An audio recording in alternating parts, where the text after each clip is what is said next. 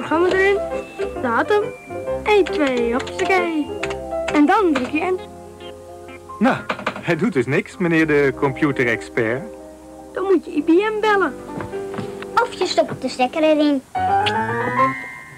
Welkom bij weer een nieuwe aflevering van Op je stop de stekker erin. Mijn naam is Baren Baarsen en ik zit er samen met... Karel van der Woude. En onze gast is vandaag Jaap Verschooien. Jaap. Leuk dat je er bent. Wat doe je bij IBM? Wat doe ik bij IBM? Eh, ik hou me bezig met storage. En een van mijn hobby's is eigenlijk ook tape. Tape. En dat eh, doe ik al jaren. Ik ben eh, jaren terug ooit begonnen met het systeem 34, 36, 38. Als dat voor de mensen nog iets zegt. In de begin jaren 90. En met name ook de backup systemen daarvan. En eind deze eeuw ben ik overgestapt naar een firma Storage Tech. Die deed ik alleen maar tape. En sinds 2007 bij IBM. En tape is natuurlijk altijd een onderdeel geweest van mijn passie. Zeggen, dat is niet helemaal je hobby. Hè? Je, tenminste, dit is absoluut je hobby, maar geloof ik. Maar in ieder geval ook binnen IBM uh, zijn je bekend, in ieder geval in Nederland, uh, als de tape-expert, zeg maar. Klopt, je hebt toch een stukje bagage wat je meebrengt. Ja. En je houdt natuurlijk alles bij je bent lid van de community. Dus uh, ja, nou, vind je het ook interessant en vind het leuk om het uit te dragen. Ja, nou zeker. Ik heb al een paar vragen hier opgeschreven op een blaadje. Maar uh, ja, die ga ik straks even aan je, aan je vragen. Heel goed. Eerst, ik, ik hoorde dat Karel nog iets leuks meegenomen had. Karel, wat heb je meegebracht? Ja, iets leuks meegenomen. Het is uh, redelijk rustig, zeg maar, op dit moment. Uh, verwachten absoluut wel weer dat er nieuwe dingen aangekomen. Maar waar ik hoop dat ook nieuwe dingen weer verteld gaan worden, zeg maar, of op een andere manier verteld gaan worden, is Think 2022. Kick-off van Think, ik denk dat we het haast wel zo mogen noemen, is op 10 en 11 mei in Boston. Uh, dat is een on-premises daar weer, dus mensen kunnen ook echt daarheen, zeg maar. Dus uh, oh, gaan er ook heen. voor corona was. Ja, uh, weer ja, zoals leuk. voor corona was. Leuk. Maar er zit wel wat extra's bij, want we hebben natuurlijk daar ook wat een en ander van geleerd. Dus je kan ook vanaf buiten, eigenlijk vanaf wereldwijd inloggen, zeg maar. Uh, en er is een, ja, een Think Broadcast, noemen ze dan, van drie tot vijf Nederlandse tijd. Waarbij je ja, sessies kunt volgen die daar gegeven worden. Oh, leuk. Dus op die manier ben je er nog een beetje bij, zeg maar. Ja, en uh, uh, nou oké, okay, sessies, leuk. Uh, zit, er, zit er nog kosten aan verbonden of kan iedereen zich zo... Nee, dit is een watch live. En voor zover ik weet hoef je ook niet echt op in te schrijven. Dat is ook wel zo, hè? dan moet je inschrijven en dan dat is toch weer een drempel om iets te doen. Nee, je hebt gewoon een link, klik je in en dan volg je eigenlijk gewoon de cast zoals ze op dat moment bezig zijn. Dus bijzonder laagdrempelig. En ja, ik denk nog zoals altijd goede sprekers. Ja, ja ik denk dat daar uh, zeker hele leuke nieuwe dingen verteld worden. Uh, dus ik ben, ben benieuwd naar de Ja. sprekers. die, die kunnen we daar verwachten. Uh, heb je Nou, toevallig een lijstje? Ja, een hele lijst. Ik denk dat het goed is om dat soort lijsten, of tenminste eventjes de webpagina te delen. En niet Ja. elke spreker hier neer te zetten. Maar natuurlijk onze eigen CEO, hè, die, die zal daar spreker zijn. Altijd bij een kick-off. Um, maar welke ik zelf ook nog interessant vond, was uh, helemaal met onze gasten aan tafel. Uh, kijken een beetje naar security en dat soort zaken. Tape is denk ik klein uh, tipje van de sluier oplichten is absoluut onderdeel van een, een stuk security en hoe beveilig je dingen. Um, maar de, een, een retired CIA uh, senior specialist, zeg maar, die daar over security gaan praten. En uit, ja, vanuit een uh, CIA-bril. Dus ik denk dat dat soort verhalen ook leuk zijn, want die hoor je niet elke dag. Nee, zeker en niet. zo zijn er veel meer sprekers, zeg maar, die op een heel ander niveau staan. En kijk je Think en vergelijk je dat met, ja, vanuit technisch hart met een Technical University. Dit zijn veel minder de technische verhalen en wat meer de high-level verhalen, zeg maar. Dus. Ja, ja, mooi. Nog één keer. Hoeveel mei en hoe laat? Nog één keer, hoeveel mei en hoe laat? Uh, 10 mei en 11 mei. En Nederland, als ik me niet vergis, zijn de sessies van 3 tot en met 5 uur, zeg maar. We zullen even de uh, footnotes uh, bijwerken en dat daarin plaatsen. En ik denk dat het ook leuk is om even te vertellen, want ik ga valaan, dit is een soort kick-off, zeg maar, van alles wat er gaat gebeuren. Ik denk was altijd, we doen één keer heel groot in Amerika, of in Las Vegas of wat dan ook, maar een groot evenement waar iedereen naartoe gaat. Maar denk, uh, gaat on tour. Okay. En dat betekent dat we veel meer, of dat Think gaat veel meer landen aandoen. Ik uh, zou graag we neerzetten en dat ik overal heen mag, maar uh, helaas, laten, we, het, nee, laten we het er op die manier we van maken. Dat, uh, dus misschien ja. als mijn manager luistert. Um, Maar er is een hele tour. En onder andere in Europa, zeg maar. In de, ik weet dat we Londen aan doen. We doen eh, Berlijn aan. We doen in Parijs aan. Dus die zijn eh, behoorlijk in, eh, in de buurt, zeg maar. Eh, dat zal in mei en juni plaats gaan vinden. Eh, maar daarna eigenlijk over de hele wereld. En ja, mag ik hoop uitspreken. Wie weet uiteindelijk ook alweer hier in Amsterdam natuurlijk. Want dat zou helemaal te gek zijn als het denk hier in Amsterdam Ja. komt. Ja, het is alweer een tijdje geleden dat we het hier hebben gehad. En het zijn altijd hele leuke evenementen waar je veel kan leren. Ja. Veel kan zien. Lekker met onze eigen klanten, zeg maar, hier. eh. Precies, even face-to-face. Lijkt me leuk. Dus ik, eh, daar blijf ik naar kijken. En die stream die zal ik even opslaan, want die eh, vind ik zeer interessant. Die ga ik zeker volgen. Ja, Dankjewel, wel. Karel. En dan ga ik even terug naar Jaap. Ja, want tape. Ik ben zelf, eh, zoals jullie weten, eh, werk ik in de cloud. Tape in de cloud. Ik heb geen idee, maar daar slaan wij volgens mij onze backups op op, op disk. Dus waarom nog tape? Dat is een hele goede vraag. Eh, cloud zie je inderdaad heel populair zijn, maar cloud is eigenlijk geen opslagsysteem. Is eigenlijk meer een soort model waar je bepaalde services en diensten aanbiedt. En daarachter moet die data nog steeds opgeslagen worden. En afhankelijk van wat je afspreekt met je provider, eh, hoe snel en hoe lang je moet bewaren, ja, wil je op het meest kosteffectieve medium opslaan. En daar zie je dat inderdaad tape nog steeds een hele grote rol speelt. En eigenlijk die rol steeds groter wordt. Want als je kijkt naar de ontwikkelingen in de wereld om ons heen, hè, naar de hyperscalers zoals ze die noemen, de grote bedrijven, Google, noem ze maar op, die heel veel data opslaan, ja, die willen natuurlijk zo goedkoop mogelijk opslaan. Dus doen ze dat op tape. En aangezien data toeneemt en de vraag toeneemt, neemt de vraag naar tape ook steeds meer toe. Mag ik je even onderbreken? Eh, want eh, je triggert mij goedkoop. Eh, je wil heel veel data goedkoop opslaan. En je noemt elke keer dat dat tape is. Maar die bevestiging die heb ik nog niet gezien. Kun je, kun je daar een stukje op ingaan? Klopt. Kijk, in het verleden was het een beetje lastig voor die hyperscalers om vanuit een businessmodel naar voren te brengen waar ze de data daadwerkelijk opslaan. Maar tegenwoordig zien we dat deze bedrijven ook als referentie voor IBM eh, gebruikt mogen worden.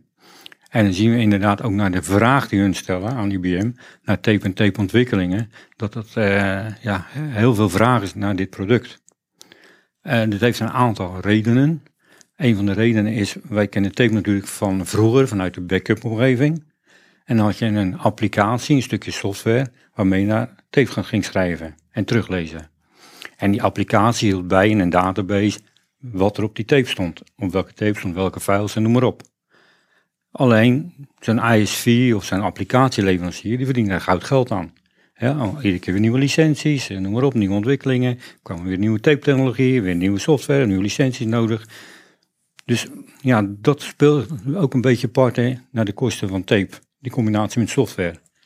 Toen is er door IBM een nieuwe technologie ontwikkeld. Die heet LTFS, Linear Tape File System. En dat is de overstandaard. Dat is op dit moment een open standaard, want is overgedragen naar SNIA. Dus iedereen kan dit nu gebruiken. Dus dat betekent dat de uitwisseling ook heel erg groot is, als iedereen het mag gebruiken. En wat er eigenlijk zegt, we hebben eigenlijk die software niet meer nodig om naar tape te gaan schrijven. Oké. We kunnen dit tape dus nu onderdeel maken van een filesystem. Je kan een beetje vergelijken met een USB-stick. Op het moment dat die erin prikt, moet die herkend. Ik heb wel een klein stukje software nodig, een driver en dat soort dingen. Ik kan data erop schrijven, ik trek de USB-stick eruit en ik geef hem aan iemand anders. En die kan hem ook gewoon weer lezen. En met LTFS is dat ook mogelijk gemaakt voor tape. En ik moet je voorstellen, een USB-stick van 60 terabyte of zo. Zo. Dus ja, dan kan je lekker de hele dag eh, thuis werken aan, eh, weet ik veel wat, je video en dergelijke. Hele sla je op, je tapeje, die doe je in je binnenzak, je gaat naar huis, je laat hem weer in en je gaat weer verder. Ja, alleen dat is dan niet zo snel natuurlijk. Nee, dat klopt, maar dat hoeft ook niet. Nou, daar nu mag ik een klein beetje op inschrijven. Ja, natuurlijk. Ja, wat is snel? Dat, is dat is de definitie, wat is snel? Kijk, daar zitten natuurlijk twee verschillen in. Je- jij kijkt naar disk en je kijkt naar de random access, zeg maar. En Ja. Daarvoor is een disk enorm geschikt. Maar kijk je naar sequentiële eh, toegang, ik denk dat tape eh, de, in heel veel gevallen sneller is dan één disk. Dus één Klopt. tape versus één disk dan. Hè? Klopt, Dus helemaal is mee gewoon de eens. hoeveelheid doorvoersnelheid die één type media op dat moment kan genereren. Ja, dat heeft te maken met namelijk op het moment dat je tape streaming kan houden. Ja. Je begint aan het, tape, aan het begin te lezen en achter elkaar kan je door blijven lezen. Dan haal je nee, zo'n 400 megabyte per seconde. Of zeg maar zo 5 terabyte per uur. En nu is er ook nog wat nieuws. Het eigenlijk ook even vanuit NPM Enterprise tape komt, maar nu ook voor LTO beschikbaar is. Heeft met de random access ordering te maken. Dus eigenlijk weet je al wat er op die tape staat. En dan ga je niet de file die achteraan staat als eerste inlezen. Je kijkt op je lijstje wat op tape staat. En in de volgorde het op tape staat, gaat het binnenhalen. Dus dat is ook een stukje efficiency. Ja, maar als hij bij wijze van drie files moet eh, pakken vanaf mijn tape en de eerste staat aan het begin, de andere staat in het midden en de andere aan het einde, moet hij wel natuurlijk die hele tape door. Klopt, want hij moet die files al lezen. Ja, Maar voorheen zeggen, ik ga het eerste laatste pakken. Dus je gaat naar het eind van de tape, gaan Ja. lezen. Ga weer terug naar de eerste, gaat die lezen. En gaan we naar het midden en dan lezen. Ja. En dat is hiermee opgelost. Dat- Dus je maar één keer te lezen. ja. Over de hele tape heen.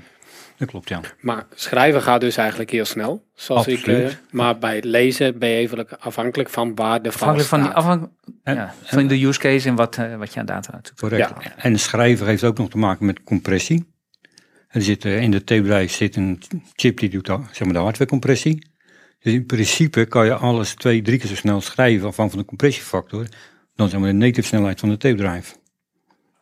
Dus je kan, Je kan ten heel snel, je kan al heel Dus- veel naar die tape schrijven. en dan kun je ook gewoon nog compressen. Compress. ook nog ja. Klopt, inderdaad. Oké. Maar goed, even terugkomen op het verhaal waarom tape zo eh, populair is in de cloud. Ja, Nu kunnen de die hyperscalers die we net noemden, hebben geen software meer nodig, zeg maar vanaf bepaalde vendoren. Die schrijven een eigen- stukje programmatuur en die schrijven gewoon naar die tape middels LTFS. Het voordeel van LTFS is ook, je kan het onderdeel maken van je filesystem. Hè, als je even op IBM betrekt, tape is bijvoorbeeld een kan een onderdeel zijn van Spectrum Scale.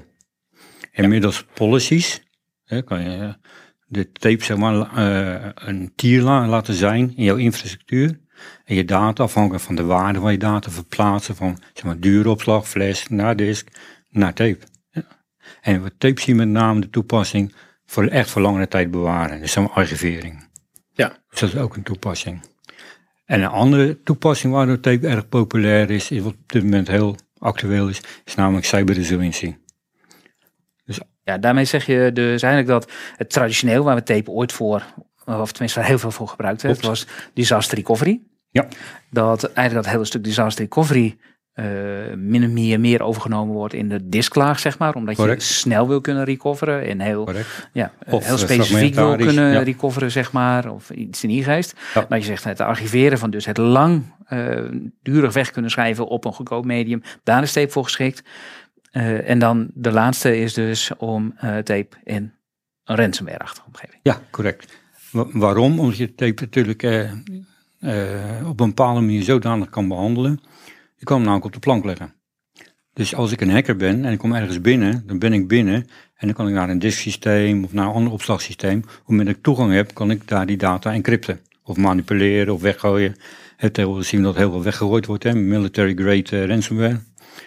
Maar als ik die tape nu geschreven heb en ik haal hem eruit en leg hem op de plank of in een kluis of ergens anders, dan kan niemand er meer bij. Dus die, hak, die hacker kan bij, me binnenkomen, maar die zal never nooit aan mijn tapes kunnen komen. Dus dat is eh, de meest veilige toepassing. En als ik weer weet dat hij geweest is en eh, zijn allerlei dingen gebeurd, moet restoren, trek ik gewoon die tape weer van de, van de plank, doe hem in mijn tape drive en lees het terug. En ik weet dat die data totaal niet veranderd is. En wat je daarbij kan doen op je tape, is worm, write once, read many. Dat betekent dat ik mijn tape alleen maar kan beschrijven, die data die er dan op staat niet kan wissen of veranderen. En ik kan alleen maar toevoegen. Dus als ik later zou die tape eh, zou willen wissen, zeg maar door een hacker of door een ransomware, dat kan dan niet, want die, die is dan beveiligd. En een ander ding is natuurlijk encryptie. Mocht die tape kwijtraken of iemand mee naar huis nemen en verliezen, dat de data in ieder geval niet leesbaar is. Dus dat zijn een aantal dingen die dan bij komen om die data extra te beveiligen. Ik vind het natuurlijk veel te veel werk om iedere keer die tapes eruit te trekken en op de plank te gaan leggen of in een kluis. Hè, wat we vroeger deden met busjes rondrijden en dat soort zaken, noem maar op. Ja. Dan kan je ook zeggen, nee, ik pak mijn totale tape library en die zet ik gewoon op een aparte site. Dan maak ik daar een soort vault van. En dan geef ik alleen aan bepaalde applicaties, aan bepaalde mensen rechten om daar natuurlijk te schrijven. En dan maak ik het heel lastig om het ook weer te lezen. Ja, dan creëer je een soort hardening, zeg maar, wat je Juist. En dit noemen we dan eigenlijk de physical air gap. De, eh, ja, niet vergelijkbaar zo met de logical air gap, waar eigenlijk fysiek alles nog aan elkaar gekoppeld is. Ja. Eigenlijk is het hier dan losgekoppeld. ja, want dat zou ik net zeggen. Airgap, dan heb je eigenlijk eh, geen connectie tussen. Correct. Maar hier zit dan wel een connectie tussen, maar met bepaalde regels of Juist, policies. met beveiliging, extra beveiliging. Ja. Ja. en je zei ook net al van eh, de worm. Dus eh, write once, read many. Ja. ik leer snel. Heel goed. Ehm, die heb je natuurlijk bijvoorbeeld ook voor de financiële sector of voor, eh, voor, voor andere secte- sectoren waar bijvoorbeeld eh, data weggezet moet worden, wat zoveel jaar bewaard moet worden bijvoorbeeld. Correct. En wat ook niet gewijzigd mag worden. Correct. Zeg maar als er vanuit de archiefwet of vanuit de, eh, weet ik veel wat, eh, bepaalde regelgeving of vanuit het bedrijf zelf data niet weggegooid mag worden en ook niet veranderd moet worden. Maar wat je dan wel hebt, inderdaad, dan heb je die wormtechnologie.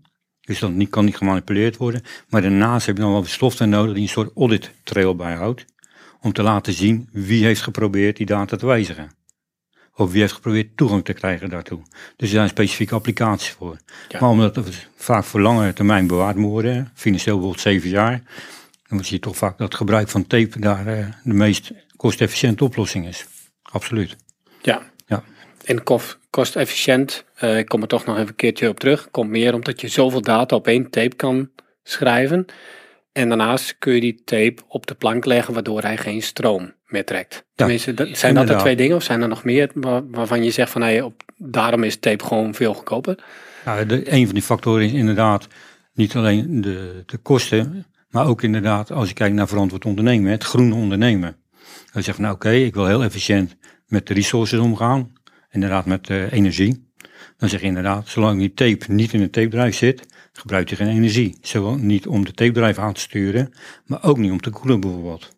Dus wat dat betreft, als een eh, organisatie zegt ik wil groen en verantwoord ondernemen, is tape een goede oplossing. Mits de business case daarvoor geschikt is, zo moeten zeggen. Zeer zeker. En dan je hebt het over, eh, ja, de, ook de vraag inderdaad vanuit de markt is om steeds meer op te gaan slaan. Dat betekent dat tape eigenlijk in het formaat zoals we die ooit vastgesteld hebben als standaard, steeds meer data moet kunnen bevatten. Ja. En we zien daar heel veel ontwikkelingen. Eh, als we zeker als we dat ook vergelijken met harddisk, dan zien we toch dat de natuurkundige principes daar een beetje eh, een rol gaan spelen. En vroeger was zo de, eh, de capaciteit van een harddisk werd zeg maar elke jaar of elke twee jaar verdubbeld.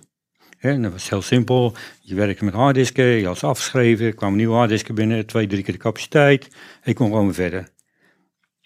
Maar we zien inderdaad, als je kijkt bij een eh, organisatie die heet insic.org, die heeft- een aerial density chart. Dan zie je heel eh, simpel, wordt er eh, afgebeeld, dat de capaciteitsontwikkeling op een harddisk gaat afvlakken. Ja, de spinning harddisk heb je dan over. De spinning harddisk, absoluut, ja. Het gaat, hij hebben het niet over flash.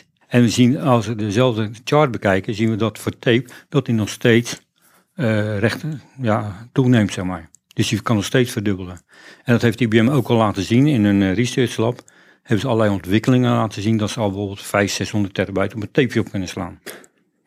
Ja, en dan heeft Ja. die, ta- die tape heeft nog steeds dezelfde karakteristieken, zeg maar van buitenaf. Het is hetzelfde de, fysieke Juist. doosje, waar nog steeds een, een Het is nog steeds hetzelfde principe. Ja. ja. Alleen de ontwikkeling heeft natuurlijk ook te maken met, ehm, ja, wat ik net zei, natuurkundige principes. Want eigenlijk moet je teruggaan van, ehm, hoe sla ik eigenlijk data op? Dus dat doe je met bits. En een bit is een nul of een eentje, heel simpel. En dat doe je op een harddisk of op een tape door een deeltje te magnetiseren of niet. En afhankelijk daarvan is het een 0 of een 1. En hoe meer ik van die deeltjes op bijvoorbeeld een vierkante centimeter of een square inch noemen we dat bijvoorbeeld, kan opslaan, des te meer data ik op de totale tape of op de harddisk kan opslaan. Nou, bij de harddisk krijgen we daar problemen, dat die deeltjes te dicht bij elkaar komen, elkaar gaan beïnvloeden. En ook met de technologie van de hertz, zeg maar. En met de, hoe de harddisk opgebouwd is met platters en dat soort zaken. Door daar tegen de grenzen aangelopen. Voor tape geldt dat niet. Daar kan namelijk eh, veel meer opgeslagen worden. Dat heeft eigenlijk twee factoren. Aan de ene kant heeft het te maken met de tape zelf. Dus eh, het medium tape, hè, wat, wat in, in de- die cartridge zit. Ja. Daar heb je zeg maar de, de- de onderlaag en daarop zit een substraat. En die substraat zijn de deeltjes die gemagnetiseerd kunnen worden. En afhankelijk van het type eh, materiaal wat erop zit, kunnen steeds kleinere deeltjes daarop magnetiseren. En we zijn ooit begonnen met metal particles. eh, toen kregen we barium ferrite. Tegenwoordig hebben we strontium ferrite. En dat betekent gewoon dat we steeds meer op kunnen slaan op een klein gebiedje op tape. Dus de totale capaciteit neemt toe. Daarnaast hebben we ook een Grappig ontwikkeling. is eigenlijk als je kijkt naar tape, daar is dus een, een soort van revolutie of een evolutie aan de gang van hey, wat voor type metalen en hoe kies. Maar Juist. zijn die daar nog weer van, eh, ja, is, is dat van invloed van hey, wat, wat kies je erop en hoe makkelijk is dat metaal ook te ontginnen, zeg maar? Want, Absoluut. ja, er is denk ik een race voor metalen ook in de wereld. Van, hey, wie, wie heeft wat? Maar ja, hoe kijken ze vanuit, weet jij hoe ze vanuit tape daarnaar kijken? Is dat, eh, want dat probeer je dan ook groen te houden, zeg maar, lijkt me. Nee, sowieso. Uh, kijk maar ze kijken met name naar het feit, wat is toepasbaar? Mhm. Op eh, zeg maar de kleinste deeltjes die je kan Ja. doen. En daarnaast heb je natuurlijk de ontwikkeling van de tapedrijf zelf. Want hoe kleiner de deeltjes worden, moet ook het schrijf, de schrijfkop, zeg maar, de leeskop, moet ook aangepast worden. Het moet ook steeds kleiner worden. En, Oké, ge- ja. dat, en die technologie zie je ook met, met name bij, binnen IBM, dat daar heel veel research eh, naar gedaan wordt. Eh, we kunnen bijvoorbeeld nu al 32 kanalen op een tape schrijven, naast elkaar. En, en hoeveel waren er dat? Acht waren dat bijvoorbeeld in het verleden. Oké. Dus dat is vier keer zoveel. En Ja. 32 kanalen kan je dan het best vergelijken met een, een snelweg met 32 verschillende banen naast elkaar, Klopt, waar ja. tegelijk Ja. de, eh, de over Ja, en dan zou je zeggen van oké, hoe blijf ik dan in die baan? Hè? Want die tape die Ja. heeft nogal de neiging om als je snel draait, een beetje te bewegen. Dat is in die twee, bij die 32 banen hebben we ook zogeheten servotracks. En een servotrack is bepalend voor de positionering van het head. Oké, dus die. Ja, als het servotrack een beetje beweegt, gaat het head zich aanpassen, zodat hij altijd die kanalen goed kan schrijven en goed kan lezen. Dat hij altijd goed gepositioneerd is. En dan doe je in één run, doe je zeg maar de 32 kanalen. Maar als je tape afgelopen, draai hem de andere kant op, doe je weer 32 kanalen terug. terug. En dan doe je weer, doe je weer. Dus iedere keer schuift het ook over de tape op. Dat heet de linear serpentine, eh, noemen ze dat. En de- Dat die. eh, dat komt bij mij bijna overeen met een soort van Möbiusring eigenlijk. Ja, dat je zoiets, van, ja. Je- dus je blijft heen en ja, terug dat heeft- heeft een eind, hè. Maar Op dit een gegeven moment heb een eind. hele breedte. Ja. Ja. En bijvoorbeeld, eh, als je kijkt naar de error correctie, bijvoorbeeld over de kanalen kan je er- eraser coding doen. Ja, ik Dus zou net zeggen, want, want je, eh, de technologieën van tape zijn altijd gebaseerd op van we hebben een tape, je hebt een head, je leest eigenlijk. Ja. Maar zijn daar nu nog nieuwe ontwikkelingen dat we zeggen van ja, ergens zit daar natuurlijk ook een, een snelheidslimiet aan. Dus kunnen we Correct. dingen sneller wegschrijven? Zijn er andere technologieën die we aan het testen zijn, zodat we, ja, net zoals dat we van een disk-limitering hadden en naar ratesets over zijn gegaan met versnelling, zeg maar. Ja. Dus, dat soort dingen in tape ook aan Ja, zo, sowieso, want als je kijkt naar die deeltjes steeds kleiner worden, gaan er per zelfde tijd heen, gaan er steeds meer deeltjes langs dat head. Ja. Dus je kan ook in dezelfde tijd meer opslaan. Dus je Dus leesnelheid. de capaciteit per- gaat omhoog. Ja, dus Ja. per tape gaat je leesnelheid omhoog. Ja. Maar zijn er dus ook andere technologieën die, ja, wat ik zeg, eh rate-achtige of erasure coding-achtige technologieën waarop we data wegschrijven over meerdere units. Ja, en- dus versnelling of, Ja. eh, ja, het is niet alleen versnelling, maar ook te zorgen dat de data die ingelezen wordt eh, beter beschermd is misschien. Ja, nou, dan heb je het eigenlijk over een soort parallelisme. Mhm. Kijk, wat nu hebben we, wat is op een enkele tape. Maar wat je ziet bijvoorbeeld, eh, als je hele grote datasets hebt, in HPC-omgevingen, high performance computing, eh, en, en denk en denk bijvoorbeeld aan wetenschappelijke instituten, heel veel data tegelijk willen inlezen of willen wegschrijven, dan kan je parallelisme toepassen en dat heet een soort tape rate. Dat betekent dat je parallel meerdere streams naar een aantal tape drives tegelijkertijd gaat opstarten. En over die tape drives kan je dan een rate toepassen, zoals we dat bij de disken kennen. Ja. En dat heet bijvoorbeeld HPSS, High Performance Storage System. Oké. Dus Dat dan, tape eh, gaat dus echt gewoon ook mee in voor nieuwe ontwikkelingen, Absoluut. zeg maar. Maar kijkt Absoluut. ook naar andere eh, technieken die er gebruikt worden in de opslagwereld. Om te zien van, hey, kan ik dat toepassen in mijn omgeving, zeg maar. Eh, hoe bedoel je dat? Nou ja, dus eh, het hele reetachtige, dus het Ja, ja, klopt. zeker, ja. tapes heen, was vroeger niet iets eh, van, ja, dat gebruik je, was niet echt nodig, zeg maar. Daarvoor was medium ook niet van toepassing. Klopt, maar het heeft met de vraag uit de markt te maken met ja, name. dus, en dat is dus onder andere de, de grootte van dataset, dus de Klopt. explosie van data die ja, daar... absoluut, zeker. Ja. Een mooi voorbeeld is bijvoorbeeld seismologische data. Aan de, bijvoorbeeld, we hebben een mooie referentie in Noorwegen. Dan gaan die schepen gaan eh, de zee op. Die gaan zeg maar allerlei testen doen. Hè, kijken of er olie of gas in de bodem zitten. Nou, die data die ga je niet allemaal direct naar land sturen. Dat is te duur, daar heb je veel, veel te veel bandbreedte voor nodig. Die ze worden op tapes eh, op, aan boord opgeslagen. Vervolgens wordt die eh, tapes aan, aan de wal zeg maar, naar het instituut gestuurd. Vervolgens wordt ze ingelezen. En die seismologische data maar, wordt in een buffer geplaatst. Goh, dat moeten we allemaal nog gaan onderzoeken. Hè, moet kijken van waar kunnen we eventueel gaan boren. Want het zijn toch aardige investeringen. Moeten we goede onderzoeken naar doen, grafieken maken, noem maar op. Nou, op een gegeven moment wordt dit in- ingeladen in een soort HPC-omgeving. High performance computing, om heel snel analyses te doen, mooie plaatjes te maken. Van hier kunnen we wel, hier zouden we niet kunnen gaan boren. En vervolgens wordt die resultaten weer naar een tape weggeschreven. En dat gebeurt allemaal inderdaad op de basis van het HPS-systeem. Dat ik meerdere streams tegelijkertijd weg kan schrijven of kan lezen naar meerdere tapes. Ja. En het heeft ook een andere effectiviteit. Vroeger sloegen we alle dingen dubbel op, twee keer. En nu, doordat je rate gebruikt, heb je een bepaalde hoef je niet alles dubbel op te slaan, maar dan heb je maar 20 of 40 procent overhead. Ja, ik denk dat dat een, Op betrouwbaarheid. ja, Ja, een, een groot voordeel is. absoluut. Ja. Denk ik, eh, dan heb ik nog één ding. Eh, we hebben gezien, tape is eh, zeker in gebruik in de hyperscalers, de grote, de grote datasets die je naartoe schrijven. Er is steeds meer snelheid. Eh, maar tape is niet zo dat het eh, ook niet door de wat kleinere bedrijven gebruikt kan worden. Want tape units zijn natuurlijk al heel relatief klein, waar je Ja. een aantal cassettes in op kan slaan. Dus ja, dat blijft denk ik ook voor Ja, kleinere klanten een goed medium. Absoluut. Aan de ene kant voor de kleine bedrijven die gewoon van oudsher gewoon een tape backup maken. En vervolgens die tape ergens anders plaatsen als die geschreven is, a- als beveiliging. Ja, dat is een vrij makkelijke, eh, relatief goedkope oplossing. Eh, en voor, grotere bedrijven zou dat ook nog steeds een oplossing kunnen zijn voor een tweede of een derde kopie. Dus daar zie je inderdaad in de betrouwbaarheid, met name vanuit de ransomware, eh, vanuit de datacorruptie, zie je nog steeds wel een toepassing. En voor kleinere bedrijven, wat we net al besproken hebben met dat LTFS, ja, is ook heel makkelijk om bijvoorbeeld uit te kunnen wisselen. Ja. Eh, denk je, eh, bijvoorbeeld je gaat op safari eh, ergens in Afrika, er is helemaal niemand, geen zendmaster of niks in de buurt. Je schiet eh, wat je wil schieten, je doet dat op een, op een tape met LTFS. Die tape kan je met een courier of zo meenemen. Die gaat naar de studio en die wordt daar weer ingelezen. Dus ook heel makkelijk is die data uitwisselbaar. Ik heb niet die software nodig om te schrijven en dezelfde software nodig om te lezen en allerlei dure licenties. Dus dat is de ideale gebruik ook. En dat maakt helemaal niet, het principe maakt niet uit hoe groot je bedrijf is. Hè. Je kan gewoon gebruik maken van de technologie. Ja. En hoe, hoe groot je het dan maakt en hoe vaak. En dat is helemaal afhankelijk van je business. Dat, eh, Nou, zeker. Ik, eh, ik, ja, je hoort mij al een tijdje niet meer, want ik ben hier helemaal stil van geworden. Dat, eh, dat, maar ik, ik had niet verwacht dat tape zo mee zou gaan met zijn tijd. En, en dat tape dus zulke mooie oplossingen biedt. Dus ik denk zeker dat we jou nog een keertje extra gaan uitnodigen, Jaap. Want op sommige van die Ja. dingen wil ik eigenlijk nog iets dieper in eh, inzoomen.